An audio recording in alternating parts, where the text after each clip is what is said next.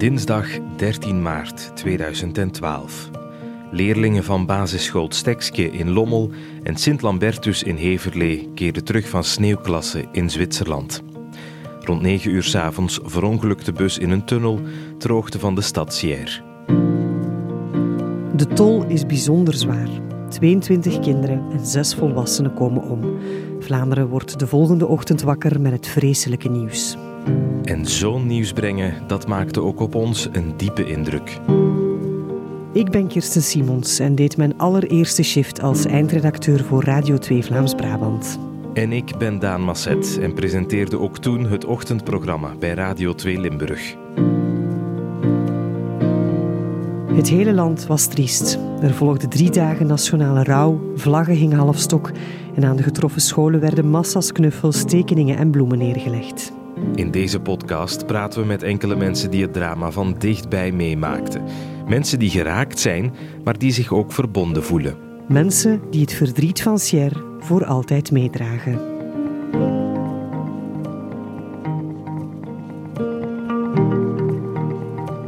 Had dat onze dochter geweest? Of een van onze kleinkinderen? Ik zou niet weten wat doen. Ik zou het niet weten eigenlijk. Deze aflevering praat ik met adjudantchef Rudiger de Pauw. Hij is militair op rust. Toen de slachtoffers van het busongeval werden gerepatrieerd vanuit Zwitserland, werd hij samen met zijn eskadron ingeschakeld voor een ceremonie op de militaire luchthaven van Melsbroek. Ik ontmoet Rudiger bij zijn thuis, in een rustige wijk in Zaventem.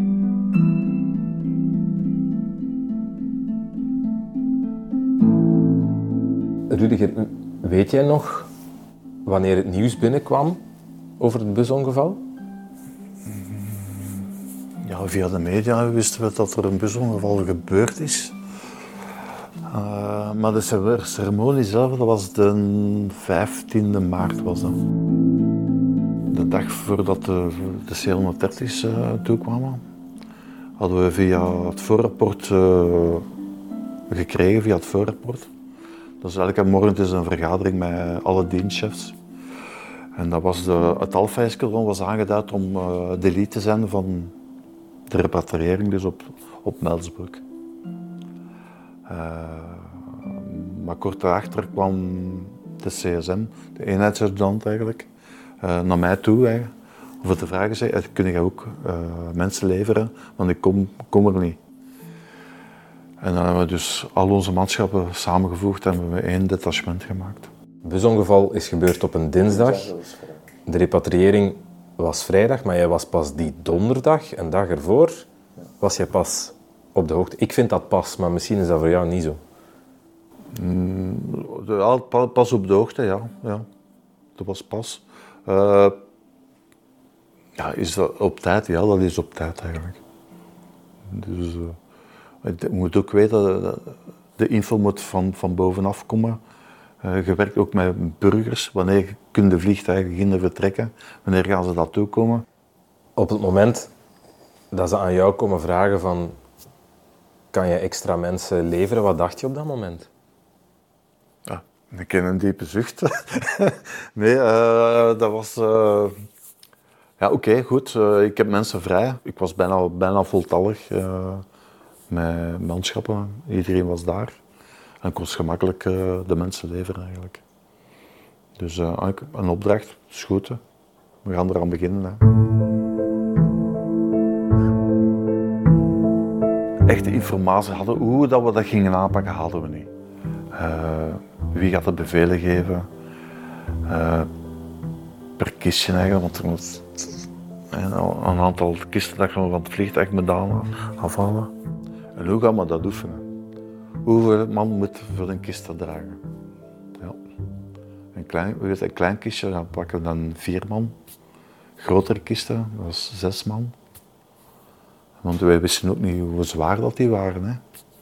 Dus uh, dan we ja, de koppen bij elkaar gestoken. En voor ons was het eigenlijk heel van belang dat alles in pas was. Dat was e- echt, echt onze hoofd, hoofdzaak, doel.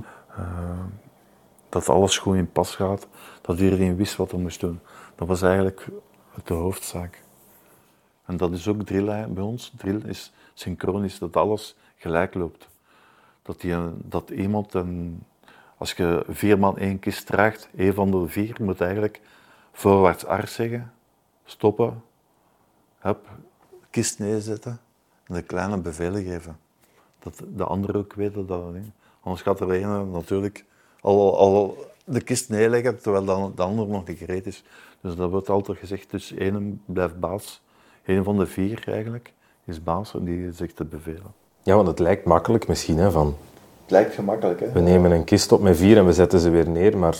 Nee, dat zo, zo werkt dat niet. Hè. Het is niet uh, zo een auto kist zodat je nee poeft. Nee, dat is niet. Want het moet allemaal zachtjes gebeuren ook. Hè. Uh, je mocht geen bruske bewegingen maken. Er zijn een paar die uh, dat al gedaan hebben. Dus als een collega uh, overlijdt, dan krijgt ook een militaire eer op de begrafenis. En dan wordt dat ook gedaan eigenlijk. Maar dat is maar miniem. Dat is maar een kleine, kleine plechtigheid. Dus het dragen van een kist, een collega, dat, dat deden wij ook eigenlijk al. Op dat moment hadden we ook geen kist om proberen te dragen. Het is niet zo dat je uit de kelder een, een, kistje kunt gaan halen van de, hoe, dat je dat moet dat gaan. Niet, hè. Dan moest je iets, nemen. Ja, dan moesten ons man een paar reizen kasten gaan halen. een kast leeggemaakt en dan een, een lege kast gaan halen om te oefenen. Je hebt ongetwijfeld de dagen daarvoor ook de beelden op televisie gezien. Je weet wat er, wat er aan de hand was. Speelde dat ergens mee dat je een onderdeel ging zijn van alles wat er in die week gebeurd is? Een belangrijk onderdeel? Ja, eigenlijk wel, ja. Ja, dat was iets belangrijk. Ik denk, iedereen van onze mensen voelt het op dat moment belangrijk. Want er heeft niemand gezegd, ik wil niet. Ja, want het is geen alledaagse opdracht. Is, is daar zo over gepraat van, als iemand dit niet wil of kan doen, was dat een, een optie? Ja, dat heb ik gezegd. Dan. Dus de mensen die niet willen, dus die mogen gerust weggaan. Dus ik had iedereen verzameld. Uh, het zijn allemaal jonge mensen en op, op dat moment dat je zegt, je ziet dat wel, hè, dan beginnen ze na te denken. En worden ze ook stiller eigenlijk. Dan zijn ze zich bewust van, van ze moeten iets uitvoeren. Ze veranderen allemaal. Maar ze zijn allemaal gebleven dus. De slachtoffers van het busongeluk werden op vrijdag 16 maart 2012 door Defensie gerepatrieerd naar de militaire luchthaven van Melsbroek. Rudiger en zijn manschappen hadden de zware taak alle 28 kisten ceremonieel uit de vliegtuigen te dragen. Daarna vertrokken de slachtoffers in twee kolonnes naar Heverlee en Lommel. Aan de vooravond van de ceremonie houden de manschappen zich professioneel en zijn vastberaden, maar ook nerveus. Toch deelt Rudiger zijn zorgen thuis niet echt met zijn partner. Ik praat er zelf niet graag over. Ik, ik, eh, eh, ik ben ook de persoon van ik laat alles op mijn werk en ik pak er niet mee naar huis. Zo echt zo van die details. Maar we hebben erover gepraat en ik heb het naar nog gevraagd aan Jesse en wij dat ook hebben daar iets over gezegd eigenlijk toen. Ja, dat is, ik heb er iets over gezegd. Dus dat bracht je dan wel mee naar huis? dat bracht ik wel mee naar huis. Maar omdat je denkt, omdat je dat juist ook een, een kleinkind had. En, en, wat zou dat zijn als, als, uh, als zij dat was? Of je eigen dochter dat daar is. Herinner je die ochtend nog, die vrijdagochtend? Spanning, hè. Ik was al weg voor dag en dauw eigenlijk. Om, om zeker om tijd op, op, op, op het bureau te zijn. De mails te openen of dat er nog iets binnengekomen was. Uh, naar de staf gaan eigenlijk. Kijk, uh, hoe zit het? Dat wel, hè. Dus uh, ik was al, ik denk, ik op 6,5 was ik er al, denk ik, die een dag. Je moet je kledij nog uh, kijken of alles in orde is. Je medailles moesten erop. Uh, dus dat is allemaal, je moet allemaal klaarmaken. Hè. Voordat je vertrekt moet je je manschappen controleren dat, dat alles tip-top in orde is. Zien dat die bus op tijd is. Dat was, ook van die zaken waar je moet aan denken. Dat die bus er staat, hè? want je moet om dat uur daar zijn. Uh, is die bus dan al? Is die een chauffeur geberiefd? Was hij als eerste daar? Ja, ik denk het wel. Ja. Sowieso. Ik ben, als uh, eenheidsordonnans ben ik meestal toch ten eerste daar eigenlijk. Ik kan me wel voorstellen als die manschappen die dag binnenkomen, dat dat heel anders moet zijn dan, dan andere dagen. Ja. Ze waren allemaal op tijd. Meestal hadden er toch een paar die te laat zijn die een dag. Maar nee, ze waren allemaal op tijd. Ik, ik heb geen opmerking gemaakt. Werd daar nog gesproken of was dat toch eerder een stil moment? Stil moment, hè. Dus uh, wordt eh, weinig, weinig, weinig uh, gepraat eigenlijk. Weinig. Ja, er, werd er wordt gepraat, hè. maar niet echt. En, en ook, ik moest niet meer roepen of tieren. Uh, ik mocht dat gewoon zeggen en ze deden het allemaal. En dan is het de bus op richting uh, Melsbroek. Dan word je ook de eerste keer geconfronteerd met die ruimte. Ja, dus we kwamen binnengereden.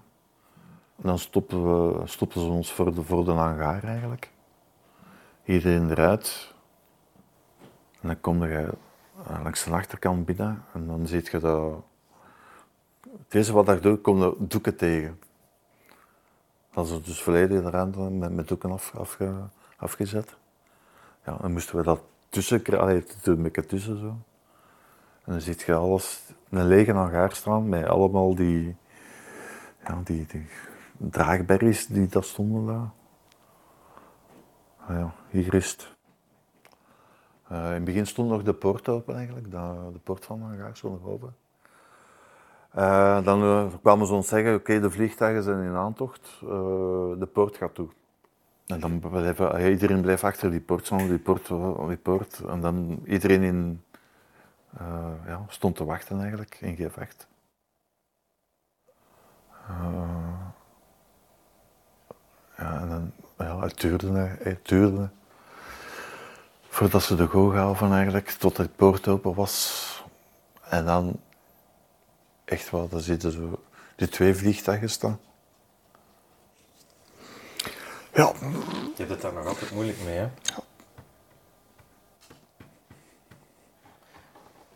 Drong het misschien dan echt door van wat jullie opdracht eigenlijk was als die vliegtuigen daar plots stonden? Ja, ja dan, dan, begon het eigenlijk. Hè. Dan begon het eigenlijk.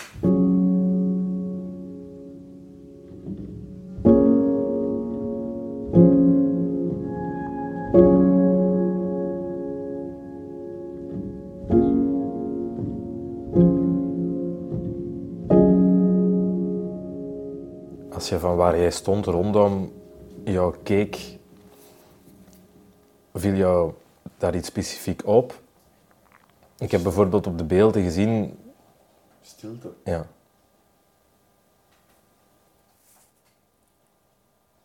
IJzige stilte was dat. Van het moment dat het poort open ging, was dat gewoon één stilte. Er werd niet geroepen, er werd niks gezegd. Die bevelen waren heel stilgegeven. Het enige wat is, af en toe een voetstap dat je hoorde. Voor de rest was het heel stil. Er was niks. Zelf geen vogels of zoiets, gehoord. Maar dus, ik ben even verspreid, dat was niks, dat was echt stil eigenlijk. Ja. En niemand durfde praten ook. Hè. Niemand durfde praten. Normaal praat je wel een keer met, met iets, maar toen niet. Nee. Wat was jouw rol op dat moment zelf? Waar, stond jij bijvoorbeeld? Wat moest jij daar doen? Gewoon alles in dood houden. Hè. Dus uh, we hadden de dus zien dat alles in de hangar, dat alles perfect verloopt, dat was mijn taak eigenlijk. Om te kijken hoe dat alles perfect loopt. Mijn collega die in het vliegtuig zat, die was bezig. Uh, de mensen, alleen bloemenkransken op de dingen leggen. Uh, ja, dat, dat kijken, dat, dat ze goed vertrokken eigenlijk. Hè. Uh, daar, daar, was hij mee bezig. Maar in hangar zelf is dat... Dus wij stonden eigenlijk een beetje afzijdig eigenlijk. Ja, en dan, dan keek ik naar de kolonel eigenlijk. Hij zegt, goed, die net een blik hier. Oh, zegt, goed. Dat was, zo, hij was iets kleiner dan ik. Ik zeg, oei. Ja, lap. Zeg, ik zeg, mijn eigen zeg, begin hier niet te schreeuwen, hè, want uh, zeg, anders biedt moet ik hier ook. Was eruit. Maar ja. ja. je moet af en toe moet wel een keer slikken eigenlijk. Hè. Uh, als je daar lang staat, dus het, ik weet niet hoe lang dat, dat geduurd heeft, maar het heeft bijna twee uur geduurd, alles in totaal. Uh, maar dan begin je na te denken eigenlijk. Hè. En laat je dat dan toe, of zeg je dan tegen, de, tegen jezelf? Nee, nu niet. Je voelt dat opkomen, hè. Je voelt dat opkomen, maar je zegt, hé, nu. Nu niet. Doe dat niet. Maar eigenlijk op dat moment zelf was ik bezig eigenlijk meer naar mijn manschappen aan het kijken, of dat ze het goed deden eigenlijk. Was ik nog niet, nog niet zozeer bezig met, met, die, met die kistjes eigenlijk. Kijk naar manschappen, uh, oké, ze doen het goed. Bijna geen fouten gemaakt, bijna geen fouten. Dat was wel een voorvallertje. Dus de eerste twee zijn... En dan één of twee later, allee, een paar minuten later, komt er een kistje naar beneden. En ze kwamen af. Ik zeg, daar mankeert iets. Als je die kistje laag had, een bloemenkrans op. En dan kwam er één kistje zonder bloemenkrans af. Dan begon ik te panikeren eigenlijk. Oei, ze hebben een fout gemaakt in het vliegtuig. Hoe gaan we dat hier oplossen? dan iets later kwam er een kistje met twee bloemenkransen. Ze, hadden gemerkt dat dus iemand had vergeten om die bloemenkrans op, uh, erop te leggen eigenlijk. Ja, oké, maar dan lag er natuurlijk twee bloemenkransen, twee bloemenkransen op, op, op een kistje zo. Zeg, wat moet ik hier nu doen? Ja, ze, zijn bezig, hè. Ik zeg, nu moet ik iets gaan doen. Ja. Ik zeg, ik durf je niet bewegen eigenlijk. Ik zeg, zeg, kom. Ik naar kinder, naar de kist met, met die twee bloemenkransen, opgepakt en op het andere gaan leggen. Maar voordat ik besliste om naar Ginder te gaan, zeg, kan ik dat niet? Mag ik dat tussenkomen? Ik zeg, ja, moeten we dat, want het was ergens een fout. Hè. Dus dat moet opgelost worden. Dat is een klein voorvalletje eigenlijk. Maar voor de rest is alles prima verlopen. Ik neem Rudiger mee naar een vliegtuigspottersplek van waar je de bewuste hangaar aan de militaire luchthaven van Melsbroek kan zien liggen. Daar heeft de ceremonie destijds plaatsgevonden. En het doet toch duidelijk wat met hem. We komen daar bijna niet wekelijks, maar toch uh, met veel opdrachten en zo komen we altijd in de hangaars. Maar de laatste, de beelden die nu de, de wereld tevoorschijn komen, natuurlijk, dat, uh, dat speelt natuurlijk. Allee, uw gedachten gaan er weer alleen, als dat zo zeggen. Als je voorbij rijdt, als je terug langs de grote hoofdingangen terug binnen rijdt, en je moet dat eigenlijk voorbij eigenlijk. Dan denkt je altijd, ja, hier was het. Dus uh, dan denk je op dat moment denk je er wel aan. Het is een verschil met nu, een, een, een luchthaven in bedrijvigheid, druk. Je hebt het toen helemaal anders ervaren. Ja, dat was geen bedrijvigheid. Alles was, werd stilgelegd. Hè. Uh, niemand werkte, en mij ook niet. In de hangars ernaast, alles was gewoon stil. Dus iedereen had uh, waarschijnlijk gezegd, dat niemand mocht buiten komen. Binnen, allee, op de tarmac eigenlijk, mocht niemand uh, rondwandelen eigenlijk. Dat heeft een tijdje geduurd om al die kistjes uit te laden. Wat is er daarna gebeurd? Als, als alle kisten in de hangaar stonden, wat hebben jullie dan gedaan? Uh, dan moesten wij weggaan. En dan moesten wij ergens apart, uh, een beetje verder, dat was uh, verzamelen eigenlijk. en wachten tot alle lijkwagens vertrokken zijn. Want wij mochten dan niet in beeld komen, als dat zo zeggen. Dan moesten wij apart. Maar dan toch nog een een half uur geweest zeker. Voordat we terug op de bus stapten om terug naar Heverlee gingen eigenlijk. Wat heb je die dag nog gedaan? Niks ermee eigenlijk. Uh, het escadron gesloten, iedereen is naar huis gegaan, ik het escadron gewoon gesloten. Uh, ja, dan huiswaarts eigenlijk. Hè. Ah, ik ben blij dat er niemand gecrashed is eigenlijk op dat moment. Dan, dan, dan, is het wel iets voor eigenlijk. Hè.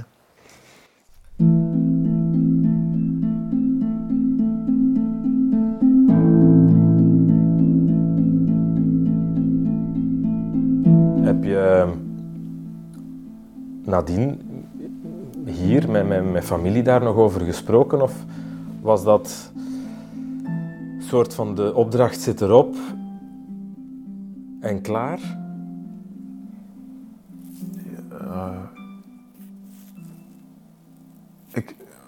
Ik heb er wel toen iets over, een klein beetje over gesproken. Had dat onze dochter geweest? Of een van onze kleinkinderen? Ik zou niet weten wat doen. Ik zou, ik, ik zou het niet weten eigenlijk.